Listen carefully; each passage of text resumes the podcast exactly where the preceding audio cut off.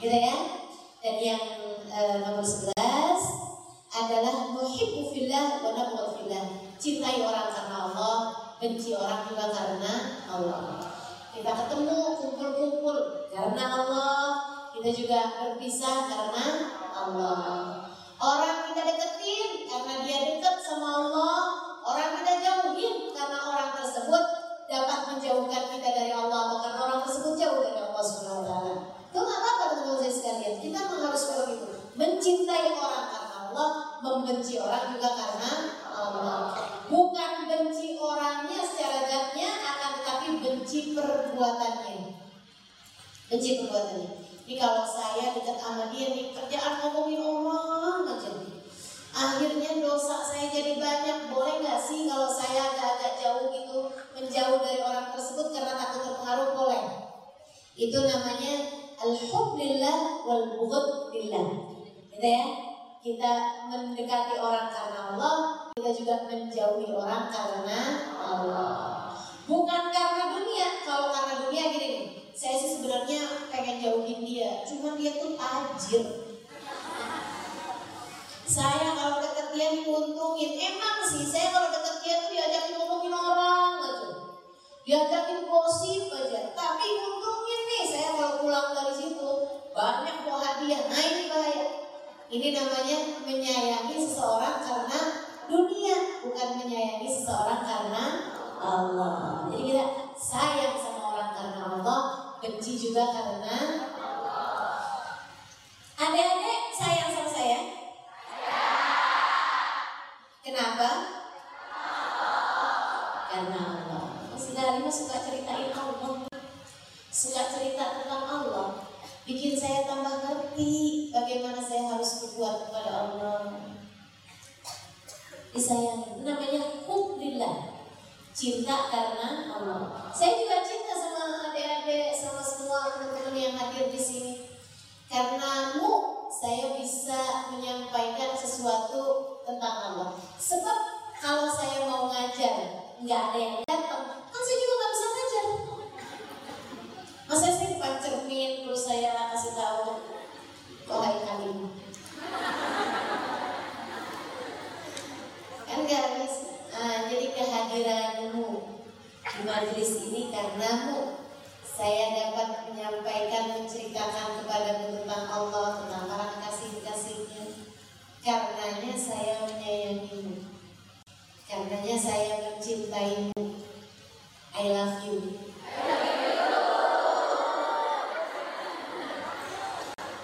نتزامى عن المصالح والمطامع الشخصية مرادنا الخالق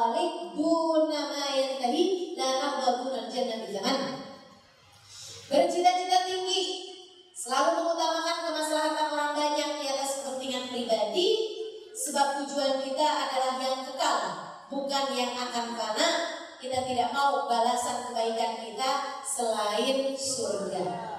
Nah, harapnya dibalasnya balasan surga aja. Jadi kita kita singkirkan kepentingan-kepentingan pribadi kita, kita jadikan kepentingan maslahatan umum sebagai prioritas dalam kehidupan kita. Nah, itu ya. Jadi kita lebih mendahulukan kepentingan umum daripada kepentingan kita sendiri agar tidak egois. Gitu kan ya? Jadi yang nomor 12 itu jangan egois dengan menjadikan kepentinganmu di atas kepentingan umum. Ada ucapan salah satu dari ulama terkemuka, teman-teman sekalian, ucapan seorang ulama, beliau mengatakan ini ucapan yang selalu akan saya jadikan sebagai bekal dalam kehidupan saya sebagai prinsip sebagai teori yang akan akan saya praktekkan dalam kehidupan saya.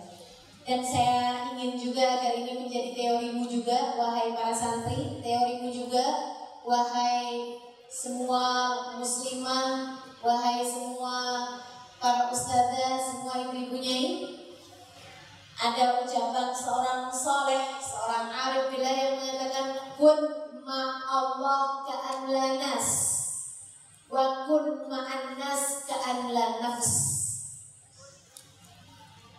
ini prinsip sekali dalam berhadapan dengan siapa pun. Kun ma'allah ka'ahla nas. Kun ma'annas ka'ahla nafs. Kun ma'allah ka'ahla nas. Kun ma'annas ka'ahla nafs. Kun ma'allah ka'ahla nas. Kata beliau, ketika kamu sedang bersama dengan Allah, ka'ahla nas. Anggaplah tidak ada orang lain. Gak ada orang. Ketika kamu sedang berhadapan sama Allah, anggap gak ada orang. Kamu lagi baca Al-Quran, anggap gak ada orang. Jadi jangan sampai kamu merdu-merduin suaramu. Ketika kamu sedang membaca Al-Quran, urusanmu adalah kamu sedang bersama dengan Allah. Maka mau ada orang, mau gak ada orang. Baca Al-Quranmu seperti itu. Kamu lagi sholat, gak ada nas. Seribu sekalian, ketika kamu sedang sholat, jangan kemudian, oh ada si ini sholat saya akan saya bagusin. Oh, ini kayaknya siapa tahu dia akan menjadi mertua saya. Siapa tahu di antara ibu-ibu ini ada yang akan jadi mertua saya, kita nggak tahu. Jadi saya mau sholat di depan dia ini kan yang yang khusyuk lah gitu. Itu namanya kamu bersama dengan Allah, tapi hati kamu bersama dengan manusia. Beliau mengatakan, kun ma'allah ka'anda nas. Jika kamu sedang bersama dengan Allah, anggap tidak ada siapa pun. Wa kun ma'annas ka'anla nafs. Ketika kamu sedang bersama dengan orang lain, anggaplah dirimu tidak ada anggap dirimu gak ada. Kalau kamu bisa praktekin ini, kamu akan menjadi seorang hamba tercinta di hadapan Allah. Kamu akan menjadi seorang manusia tercinta di antara sesama manusia. Kamu mau dicinta? Ini resepnya. Seorang istri yang ketika menghadapi suaminya, dia merasa dirinya gak ada, yang ada adalah kepentingan suaminya, yang ada adalah hajat suaminya, yang ada adalah urusan suaminya, dia pasti akan menjadi seorang istri yang tercinta di hadapan suaminya. Suaminya lagi ngomong dia liatin. Suaminya nyuruh dia kerjain. Suaminya marah-marah.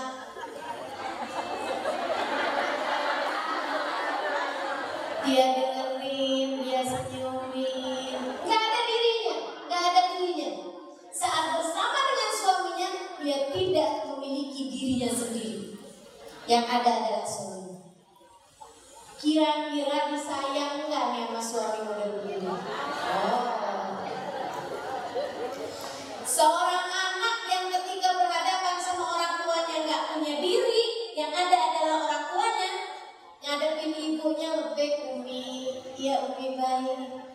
Maunya gimana? Nih, ya boleh, nggak apa-apa. Kamu sendiri gimana? Nggak apa-apa, umi nggak masalah.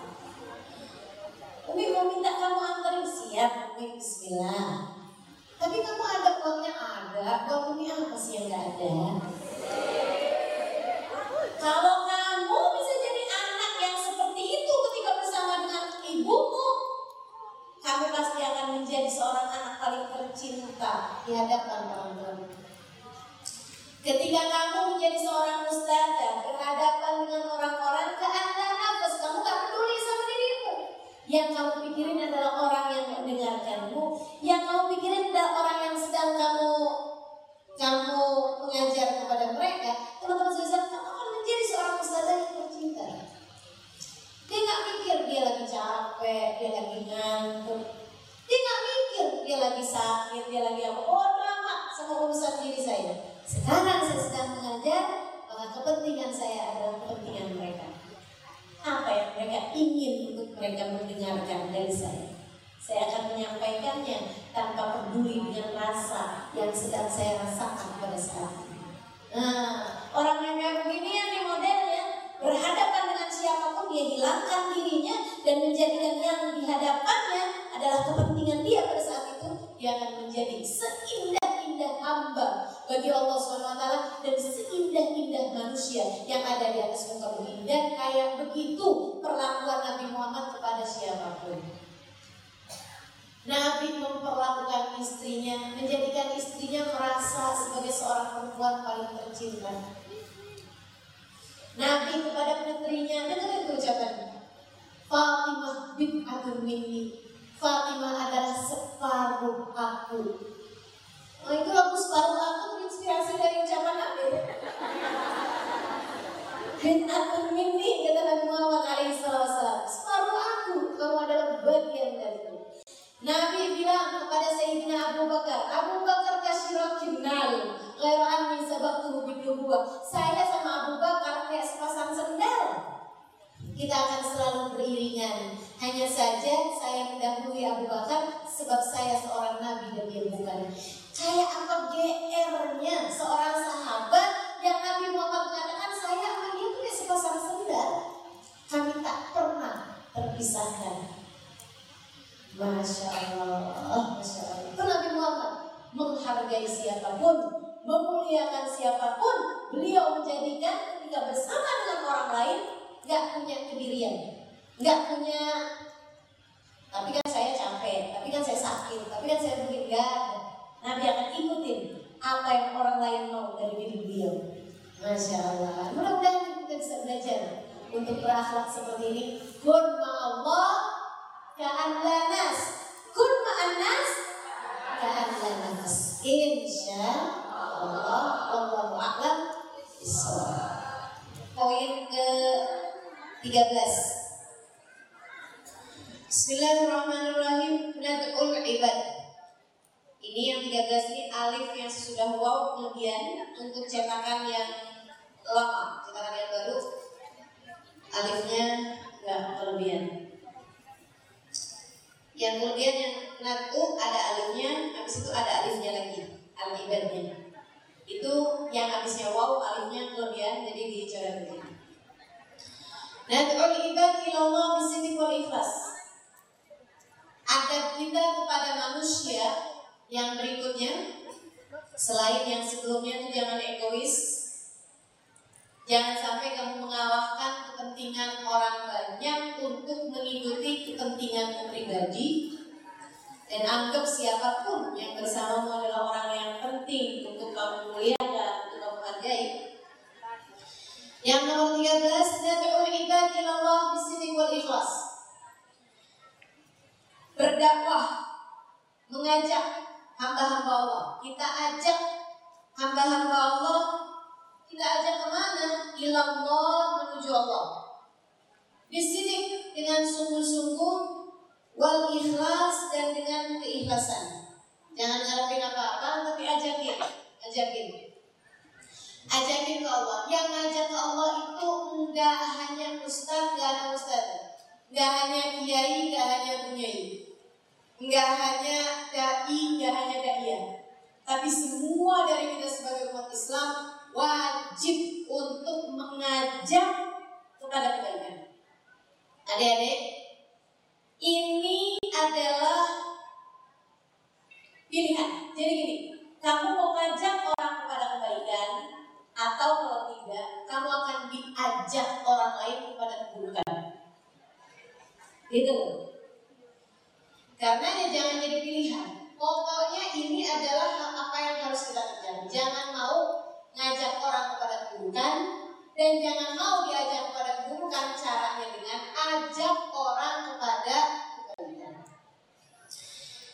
Bisik wal ikhlas dengan sungguh-sungguh dan keikhlasan berrifik berlin dan dengan berifik dengan penuh kelembutan walin uh, warifik dengan penuh kasih sayang walin dan kelembutan buat tarhib tarhib itu lawannya tarhib tarhib itu diseneng-senengin tarhib ditakut-takutin nah ini yang mesti kita lakukan kalau ngajak orang kepada kebaikan adalah dengan diseneng-senengin ini jalan para hamba-hamba tercinta di sisi Allah, jalan para ulama-ulama kita. Kalau ngajak orang kepada kebaikan bisa senengin. Yuk, surga tuh enak. Ayo, orang kalau dekat sama Allah tuh enak. Yuk, kalau kita dekat sama Nabi Muhammad tuh senang. Begini, begini segala macam sampai orang tertarik untuk ikut kepada jalannya Allah. Jangan sebaliknya, ditakut-takutin. Sholat, kalau nggak sholat neraka Kamu tuh suami macam apa? Sholat bang. Nah itu, itu namanya ngajak, ngajak orang, tapi tidak dengan cara yang benar. Karena nggak ada review, nggak ada link gitu ya. Buat tarif, dan tarif dibuat senang pada agama. Wal wal amal. Wal wal amal. Ngajak orang kepada kebaikan dengan ucapan kita Buat amal dan dengan perbuatan kita. Bukan dengan perbuatan itu artinya kita di depan-depan orang kemudian subhanallah, subhanallah, subhanallah gitu. Nah gitu, nah gitu.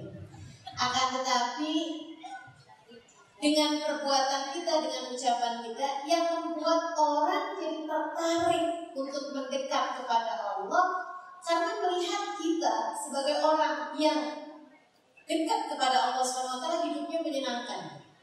Ini gue penting nih. Jangan suka ngajakin anak kepada kebaikan dengan jalan ngomel-ngomel. Anak akhirnya melihat jalan menuju Allah itu nggak seneng bu. Nanti dia kalau nginget-nginget kebaikan itu selalu aja karena omelan-omelanmu yang diingat. Dia kalau mau sholat yang diingat omelanmu. Dia kalau mau ngapa-ngapain yang diingat omelanmu. Itu jangan tapi ajak kepada kebaikan-kebaikan dengan cara yang lemah lembut. Nabdul yang tujuh kita usahakan semampu kita. Walana kufur sotan tidak wajib bila maulahu bila tanamnaha. Kita tidak meninggalkan kesempatan apa pun untuk berdakwah kecuali kita pakai kesempatan itu. Ada kesempatan buat dakwah buat ngajakin orang kita pakai. Lagi duduk nungguin kereta, nungguin bis, ada orang di samping kita, kita ajakin, kita ajakin kepada kebaikan. Misalnya, datang waktu sholat, sudah sholat enggak? Iya, belum nanti. Enak ya kita ya, kalau sholat ya. Udah rasanya, alhamdulillah saya kalau lagi nggak sholat, sumpah rasanya. Kalau lagi ini lagi nggak boleh sholat, Alhamdulillah Allah maha baik ya Kita dibolehin sholat dan Allah Insya Allah Kata-kata kecil-kecil seperti itu. Kita lihat ada kesempatan untuk berdakwah pakai buat berdakwah. Bukan dengan ngomel. Kenapa kok kelihatan kayak sumpah? Orang gak kenal. Kita tanya kenapa sumpah? Iya suami saya itu Kaki kecantol sama pelakon Terus kita bilang, hmm, memang mbak laki-laki zaman sekarang kayak gitu. Disalahin nih suaminya, habis itu ceweknya juga yang jadi istri emang harus malah bener. Iya kan maksudnya. Ini kan istrinya nih. Sekarang nih marah-marahin istrinya. Makanya mbak, kalau jadi istri terus yang bener mbak. Biar suami itu gak cantol mana-mana. Urusin yang benar, atau sudah hari kayak gitu. Gak gitu caranya ya berdakwah ya. ngajakin orang dengan kaum, dengan amal, dengan ucapan tapi dengan cara-cara yang menyenangkan. Dengan cara yang menyenangkan. Sayyidina Abu Hurairah ketika melihat pemuda-pemuda kerjain perkara-perkara nggak benar. Di jalan nggak bukan perkara nggak benar perkara nggak penting. Di jalanan ngobrol-ngobrol nggak jelas. Kata Sayyidina Abu Hurairah eh kalian nggak tahu? Ada warisan Nabi Muhammad dibagiin di masjid. Oh iya ada jalan semua dikirain warisan apa. Begitu masuk dalam masjid nggak ada kok nggak ada yang dibagi-bagi warisan adanya majelis ilmu. Kata Abu Hurairah warisannya Nabi Muhammad kan ilmu. Tapi kan akhirnya karena orang mau nggak mau kan akhirnya masuk juga dengerin ilmu. La turidu minhum jazaa'a wala syukura. Kita berdakwah jangan ngarepin balasan. Jangan ngarepin amplop. Bagi para dai daiya, ustaz ustazah. Jangan, jangan ngarep perkara yang seperti ini dikasih nggak dikasih sebenarnya pemberi rizki cuma satu namanya Allah Dikasih terima, nggak dikasih, nggak apa-apa, nggak jadi soal. Lagian teman-teman suriku sekalian, ada ustadz ngajar, kita kasih amplop. Emang uangnya itu bisa bayar ilmu? Nggak bisa. Betul nggak? Ini yang hari ini saya bahas kitab ini yang insya Allah mudah-mudahan hatam. Bisa bayar berapa atas ilmu yang sudah didapat? Bisa bayar? Bisa bayar? Saya ingat-ingat guru saya, ya Allah, ya Allah. Andai saya bayar dengan seluruh harta yang saya punya, nggak bisa balas kebaikan mereka. Ngenalin kita sama Allah, ngenalin kita sama jalan menuju surga, ngenalin kita sama Nabi Muhammad, teman-teman saudara sekalian, mau sanggup berapa kita bayar mereka? Gak bisa dibayar meskipun dengan seluruh harta yang kita punya.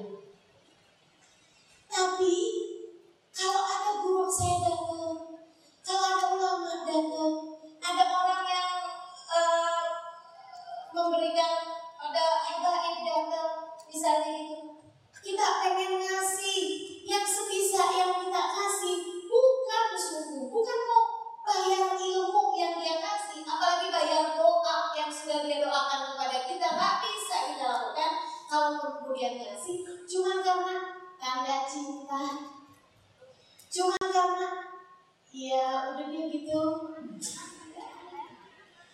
Asal-asal kayak gitu. Nyenengin nyenengin diri sendiri gitu ya. Nyeneng nyenengin diri sendiri aja. Kita kasih biar kita lebih lebih dapat berkahnya. Kan begitu kan jadi gak ada urusan bayar bayar ilmu apalagi santri nyantri di pondok pesantren. Berapa kamu sanggup bayar? Seberapa pun kamu bayar tidak pernah bisa membalas kebaikan guru-guru. Jadi nggak bisa balas jasanya para guru-guru kita. Ya yang termampu yang kita bisa beri kepada mereka kita berikan kepada mereka. Nah bagi yang berada dalam posisi memberikan ilmu menyampaikan ilmu jangan mengharap balasan. Karena balasannya inna ajrona ila ladhi illa ala ladhi fatarana. Yang kita harapkan balasannya adalah balasan dari yang telah menciptakan kita yaitu Allah Subhanahu dan harap balasannya dari Allah aja. Kalau ada yang ngasih, pada hakikatnya yang ngasih adalah Allah Subhanahu wa taala lewat panjangan tangan orang tersebut. Kan begitu? Kalau nggak nggak kasih, ya berarti memang Allah masih belum bergerak. Insya Allah dikasih dari jalan yang lain. Gitu, gitu. Qul hadhihi sabili ad'u ila Allah ala basiratin ana wa man ittaba'ani. Subhanallah wa ma ana minal musyrikin. Kata Allah kepada Nabi Muhammad, "Qul bilang wahai Nabi Muhammad, Hari sabili ini adalah jalanku. Jalan terang, beriman kepada Allah, berihsan kepada Allah, berbuat baik kepada setiap hamba-hambanya Allah. Hari sabili inilah jalanku. Adru ilallah. Aku mengajak kalian semua menuju Allah. Ala basiratin dengan bijaksana. Mengajaknya dengan bijaksana yang perlunya diceritain diceritain, yang perlunya dibantuin dibantuin, yang perlunya ditegesin ditegesin, yang perlunya semua ala basirah dengan kebijaksanaan. Anak, aku kata Nabi Muhammad, wa manit dan orang-orang yang mengikutiku. Makanya para kiai, para ustadz, para uh, dai, para adalah para penerus, para pengikut baginda Nabi Muhammad Sallallahu Alaihi Wasallam dalam mengemban tugas suci untuk berdakwah, mengajak hamba-hambanya Allah kepada Allah. Katanya Abu bin kalau kamu dakwah, ngarepinnya itu dibayar, ngarepinnya itu pengen biar kamu jadi orang yang terkenal, diundang sana, diundang sini, apalagi bertarif-tarif seperti itu. Kata Abu bin Hafid, kamu sebenarnya lagi ngajak orang ke Allah, atau lagi ngajak orang kepada dirimu sendiri? Masya Allah. Nah, kita ikutin para ulama-ulama kita yang memang la as'alukum la la yas'aluna ajra. Mereka tidak meminta kita man la yas'alukum ajra. Ikutilah orang-orang yang tidak meminta balasan, ya, yang ikhlas lillahi ta'ala. Subhanallahi wa ma ana minal musyrikin maha Allah dan aku tidaklah termasuk di antara mereka yang musyrik. Poin berikutnya yang nomor 14 Nagasata kulayom bima nomor 21 halaman 21 nomor 14 ya Nagasata kulayom bima tayasam wa qalalla Belajarlah, berusahalah untuk bersedekah Kewajibanmu atau hak adabmu kepada orang Usahakan tiap hari sedekah. Wa walaupun sedikit. Dan di negeri kita ini mau sedekah gampang banget. Keluar rumah di pertigaan di perempatan ada pengemis gampang banget. Alhamdulillah. Bapak Maria bisa pernah bilang ke saya enak ya memang tinggal di negeri kamu mesti kamu syukuri. Saya bilang kenapa Bapak? Banyak pengemis kenapa saya harus bersyukur karena negeri saya banyak pengemis kata Bapak jadi gampang kalau mau sedekah nah kalau saya mau sedekah susah mesti jalan mesti jalan berkilo-kilometer mau sedekah saya. Lewat tinggal di dekat masjid Kuba Madinah. Jadi kalau mau sedekah mesti keluar dulu, mesti jalan dulu kamu dalam rumah ini bisa datang pengemis. Alhamdulillah semua tinggal di negeri kamu. Insyaallah. Ya, usahakan sedekah walaupun sedikit. Habib pernah bilang, daripada kamu sedekah 300 ribu sebulan sekali jauh lebih baik kamu bersedekah 10 ribu setiap hari selama sebulan. Kan duitnya sama. Ya, kita sedekah 300 ribu sekali sebulan. Kalau dibagi 30 hari berapa jatuhnya? 10 ribu. Lebih baik kamu bersedekah tiap hari 10 ribu, 10 ribu, 10 ribu, 10 ribu. Daripada kamu bersedekah sekali sedekah 300 ribu terus sebulan sekali. Kenapa gitu? Kamu gak pernah tahu kapan hari di mana sedekah tersebut berbarengan dengan kasih sayang Allah yang turun kepadamu. Jadi mendingan tiap hari, tiap hari, tiap hari, tiap hari. Kemudian yang berikutnya nomor 15. Natanaqash wa natabahath wa natruk mujadalah man la yakun qasduhu ihtidaa ila sabilil haq bal nusahid alaihi hawa fala yurid illa an yantasir li ra'yihi Selalu saling belajar, berdiskusi, mencari solusi. Para ustazah, jangan pernah merasa saya udah pinter, nggak perlu membahas, nggak perlu belajar. Jangan. Orang orang paling bodoh adalah orang yang merasa dirinya yang nggak yang bikin dia nggak perlu belajar lagi. Saya ketemu Habib Zain Smith. Kerjanya baca kitab belajar. Saya ketemu Habib Corbin Hafid. Kerjanya belajar baca kitab. Ber membahas ilmu kepada santri-santri, kepada para ustadz. Bahas. Jadi sering sekalian, jangan pernah berhenti. Terus belajar, saling membahas-bahas ilmu, saling saling diskusi. Kalau ada masalah yang kamu nggak paham, diskusikan sama teman, diskusikan belajar dari setiap orang. Bahas, bahas jangan pernah merasa diri sudah begitu pandai sehingga merasa tidak perlu mendengarkan dari sisi apa pun. Nah, tanakos kalau perlu untuk saling berdiskusi, dan bahas, saling membahas, tapi natruk mujadalah, tinggalkan perdebatan. Apa sih perdebatan itu apa bedanya sama pembahasan? Kan orang lagi bahas bahas masail itu kan juga ada debat. Apa bedanya perdebatan dengan bahas masail misalnya gitu? Apa bedanya? Kalau sudah tujuannya mencari kemenangan bukan kebenaran, itu namanya jidal. Kalau sudah kepengen kebenaran itu dari dirinya dan berusaha untuk pokoknya yang benar saya gitu ya. Berusaha untuk yang benar saya kamu semuanya salah. Itu berarti sudah masuknya pada jidal apa jidalan ini teman-teman sekalian? Tinggalin. Tinggalin.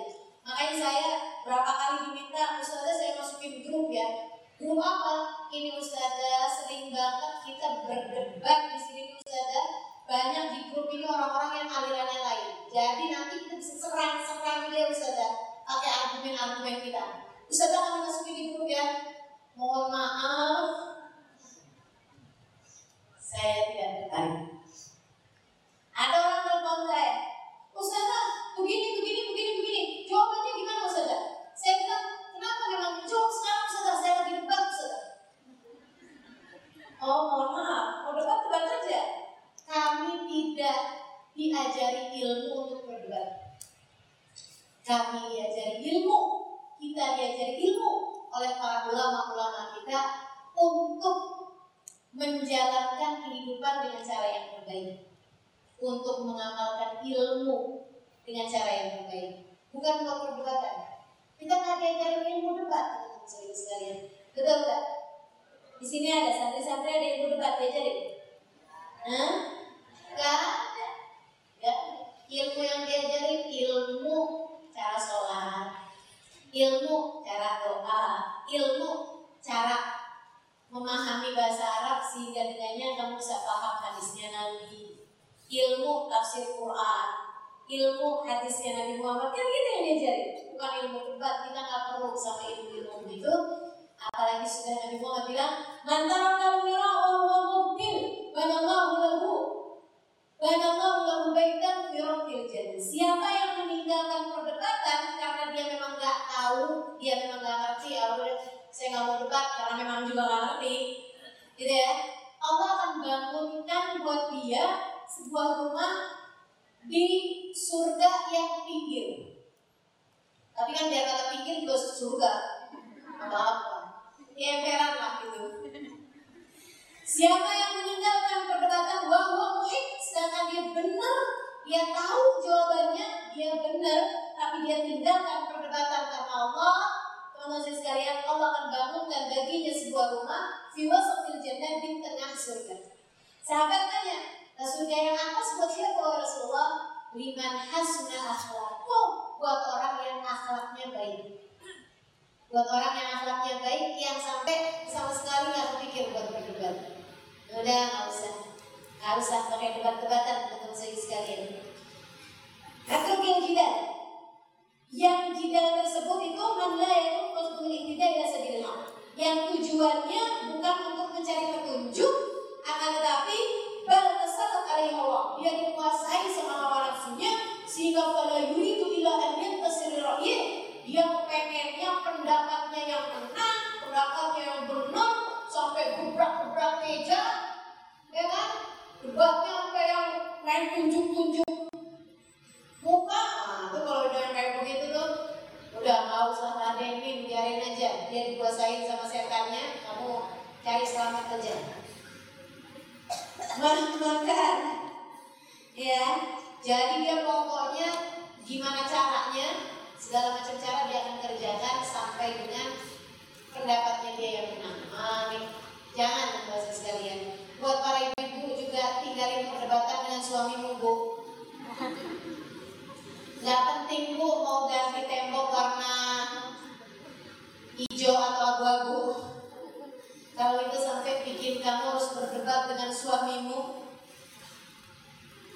yang sampai kamu pengen pokoknya pendapat kamu yang dimenangkan. Nah itu jangan. Buat anak-anak juga gak usah debat bapak ibumu. Nah, gak usah, gak usah banyak debat. Udah ikutin aja. Ada hamba-hamba Allah Subhanahu Wa yang bahkan nggak pernah suka bilang enggak. Ketika Farazdak memuji Sayyidina Ali Zainal Abidin, beliau mengatakan salah satu pujiannya, maqala la qattu illa inda tasyahudi laula tashahhudu kanat lahu na'am. Maqala la qattu illa tasyahudi laula tashahhudu kanat lahu na'am. Orang ini nggak pernah bilang enggak kecuali di tasyahudnya andai tidak dalam tasyahud maka laknya pun akan menjadi naam juga. Ada hamba-hamba Allah. Begitu tenang hatinya. Begitu tenang akal sehingga ada orang ngajak debat begini begitu segala macam. Gak diikuti karena orang kalau berdebat pasti banyak laknya. Betul apa enggak orang debat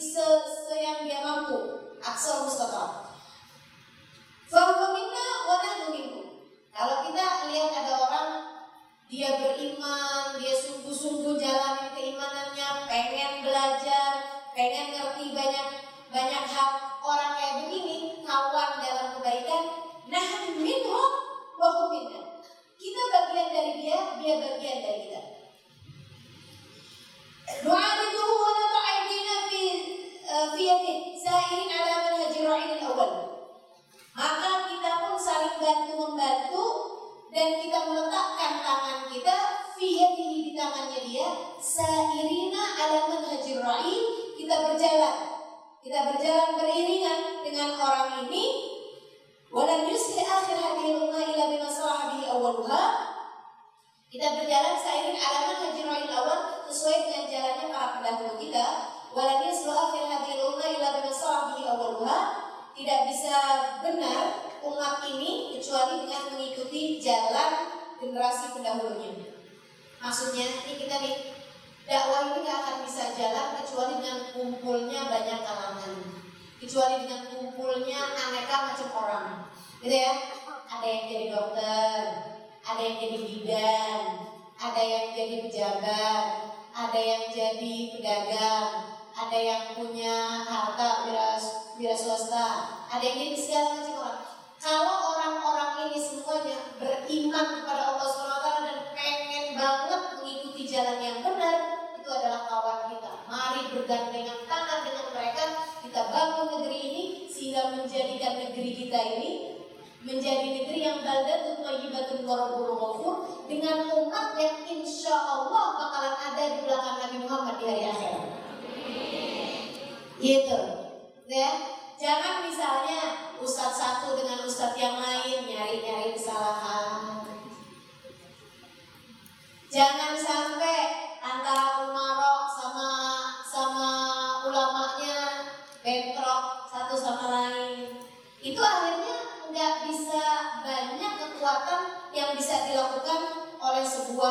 masyarakat.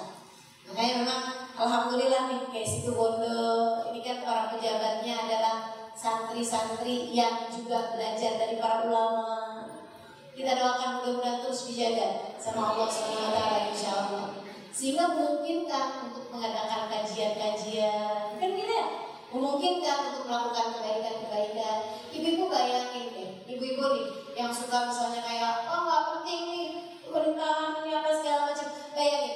Kalau misalnya kamu punya pemerintah yang senangnya itu manggil konser-konser dan duta bareng pakai acara minum-minum dan lain sebagainya misalnya. Betapa sangat sumpahnya bu kehidupanmu bermasyarakat. Betul apa enggak? Mau tidur malam-malam, wah tahu-tahu suara suara-suara musik yang sangat keras. Kita mau protes gimana? Yang ngadain siapa? Yang ngadain bupatinya. Nggak bisa apa-apa juga. Betul enggak?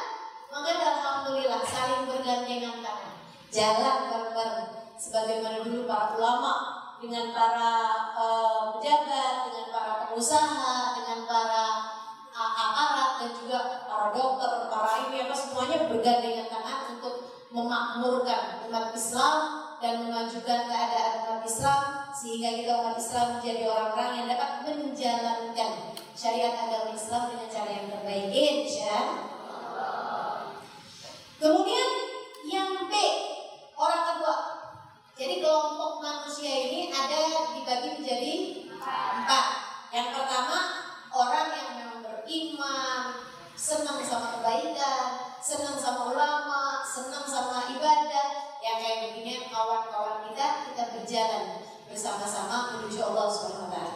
Kelompok kedua, syahsun arafal haq wa amana bih ila annahu imanun fatih. Yang kedua adalah orang yang tahu kebenaran, dia mengimani kebenaran tersebut tapi imannya lagi tidur. Imannya lemes. Imannya ngantuk. Imannya tidak berdaya. Yadul alaihi amal bimuqtada. Jadi berat baginya beramal soleh. والجد في سبيل مبدأ الحق الذي آمن به bihi مبينين لو إنه ليس إيمان بالتمني ولكن ما walakin في قلبه وصدقه العمل berapa sadaqahu berapa asalnya ataupun berkorban di jalan Allah. Ini sesuai kayak yang disampaikan sama baginda Nabi Muhammad SAW iman itu bukan angan-angan melainkan sesuatu yang menetap di dalam hati dan di, ditunjukkan iman tersebut dengan amal kebaikan, amal soleh. Fa'in apa min ghaflatih. Nah, orang yang kayak beginian gimana nih? Fahada nad'u ila amal. Kalau orang kayak begini kita mesti ajakin buat berbuat kebaikan. Ayo ngaji, ayo hadir, ayo sholat,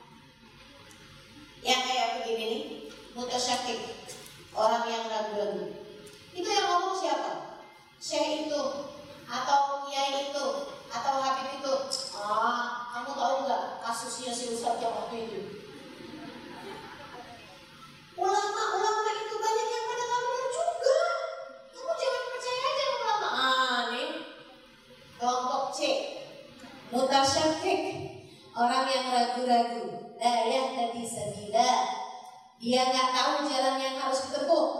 Al atau orang yang mendustakan. Jangan percaya sama Habib. Jangan percaya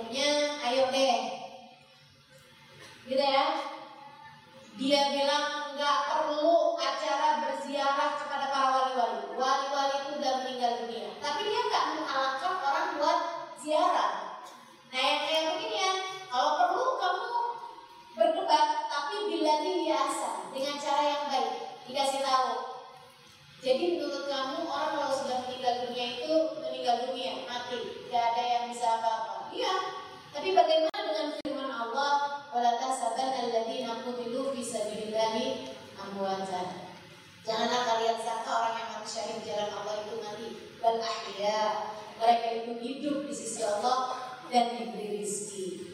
Kalau diberi rezekinya banyak kan bisa bagi lagi.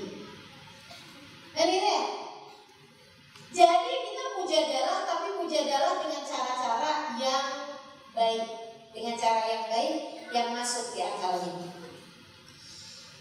Nu nasir bingunil hak wara yang dari Kita berjalan dengan jalan yang benar, gitu ya. Kita lakukan ini dengan betul Allah Subhanahu wa taala perdebatan tadi ini kita lakukan semuanya ini dengan petunjuk dari Allah Subhanahu wa taala sehingga kita bisa meluruskan bengkoknya pemikiran-pemikiran dia. Wa tukallimuha wa taqallubiha fi dan takallubnya dia, bergeraknya dia di dalam kegelapan. Artinya kita berusaha untuk berjalan kepada jalan yang benar kita dekat dia dengan cahaya agamanya Allah Subhanahu wa taala sehingga bisa lurus cara pikirnya dia dan dia tidak lagi berada dalam kegelapan. Asallah Allah siapa tahu Allah kemudian memberikan sinar kepada akalnya wa huda siapa tahu akan terbitlah sinar hidayah di dalam hatinya. Kalau orang kayak gitu. Nah sekarang kelompok yang B.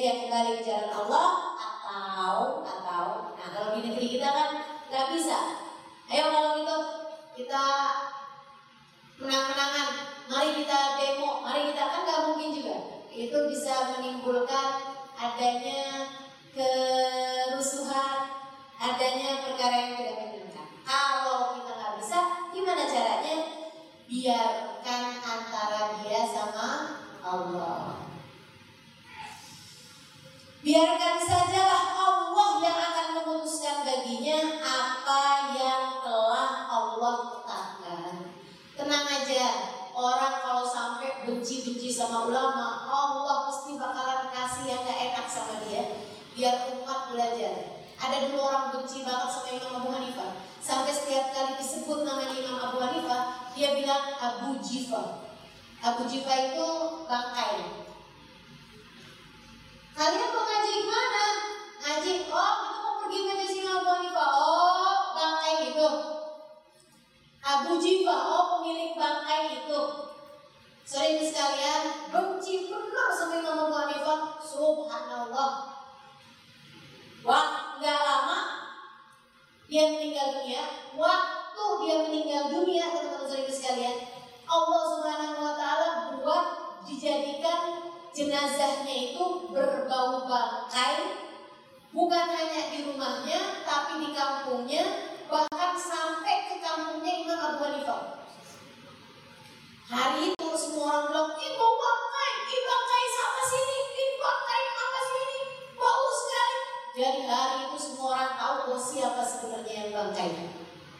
Bukan Imam Abu Hanifah, akan tetapi ya di Indramayu siapa yang pergi di Indramayu pas lewat atau gimana gitu teman-teman uh, kami di rumah di belakang rumah saya nggak seberapa jauh ada makamnya Habib Muhammad bin Abdurrahman Asgar kakek saya dari ibu Habib Muhammad bin Abdurrahman Asgar makamnya dikubahkan dan silahkan berziarah salah satu dari wali bin Auliyaillah. Dulu ketika makamnya belum dikubahkan seperti sekarang, itu makamnya ada di belakangnya masjid. Masjidnya itu lagi kepengen dilebarin dan mereka merasa masjidnya itu paling enak bila dilebarinnya ke arah sana. Karena kalau ke arah yang lain tidak memungkinkan.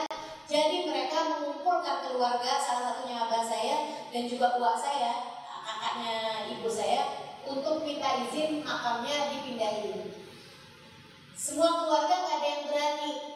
Mereka cuma bilang oh saya nggak berani tapi kalau kalian maksa saya akan beristikharah karena saya tidak mungkin melakukan hal sebesar itu tanpa seizin dari yang ada di dalam situ. Karena kan kita berkeyakinan orang mati kan tak mati, apalagi para wali.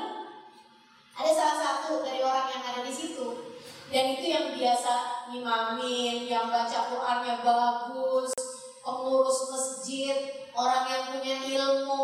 Dengan gampangnya dibilang kayak begini, Allah repot amat udah mati ini cutik aja. Cutik cungkil aja deh gitu. Kayak barang-barang kotor, barang kotor kayak maaf kotorannya cicak misalnya gitu. Kalau kita mau pindahin itu kita cungkil aja deh, kita setil aja gitu, setil aja gitu. Udah mati. Ibu-ibu saudara sekalian, beberapa hari kemudian dia ditemukan gantung diri di kamarnya, mati dalam keadaan bunuh diri. Naudzubillah dan dari Jangan berani-berani sama para kasih-kasih Allah taala, para ulama-ulama. Gitu kan ya? Nah, kalau ada orang benci sama ulama sampai seapanya, kita memang ya kan ini bikin pegel. Rasanya kan pengen kita datengin terus nah, nah. Ajutin pisau, gitu kan ya?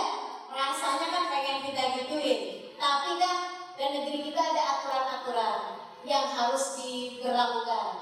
Karena yang teman-teman sekalian, nggak bisa kerjain dan bikin kita puas hati karena agama kita di dihalang-halangi, agama kita diperlakukan dengan tidak adil misalnya, udah minta aja biarkan Allah yang menyelesaikan urusannya dengan orang tersebut.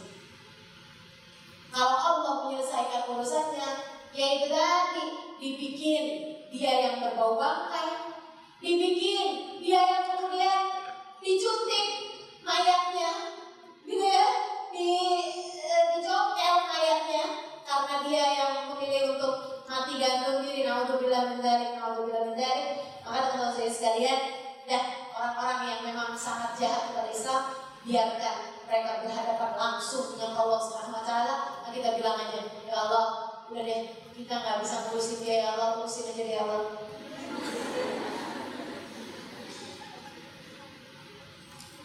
Kalau pemerintah kami tidak bisa berlaku adil, berbuat berbuat yang sepantasnya buat orang ini ya Allah. Kalau begitu, kalau dia nggak bisa dipanggil polisi, kau aja yang manggil dia ya Allah.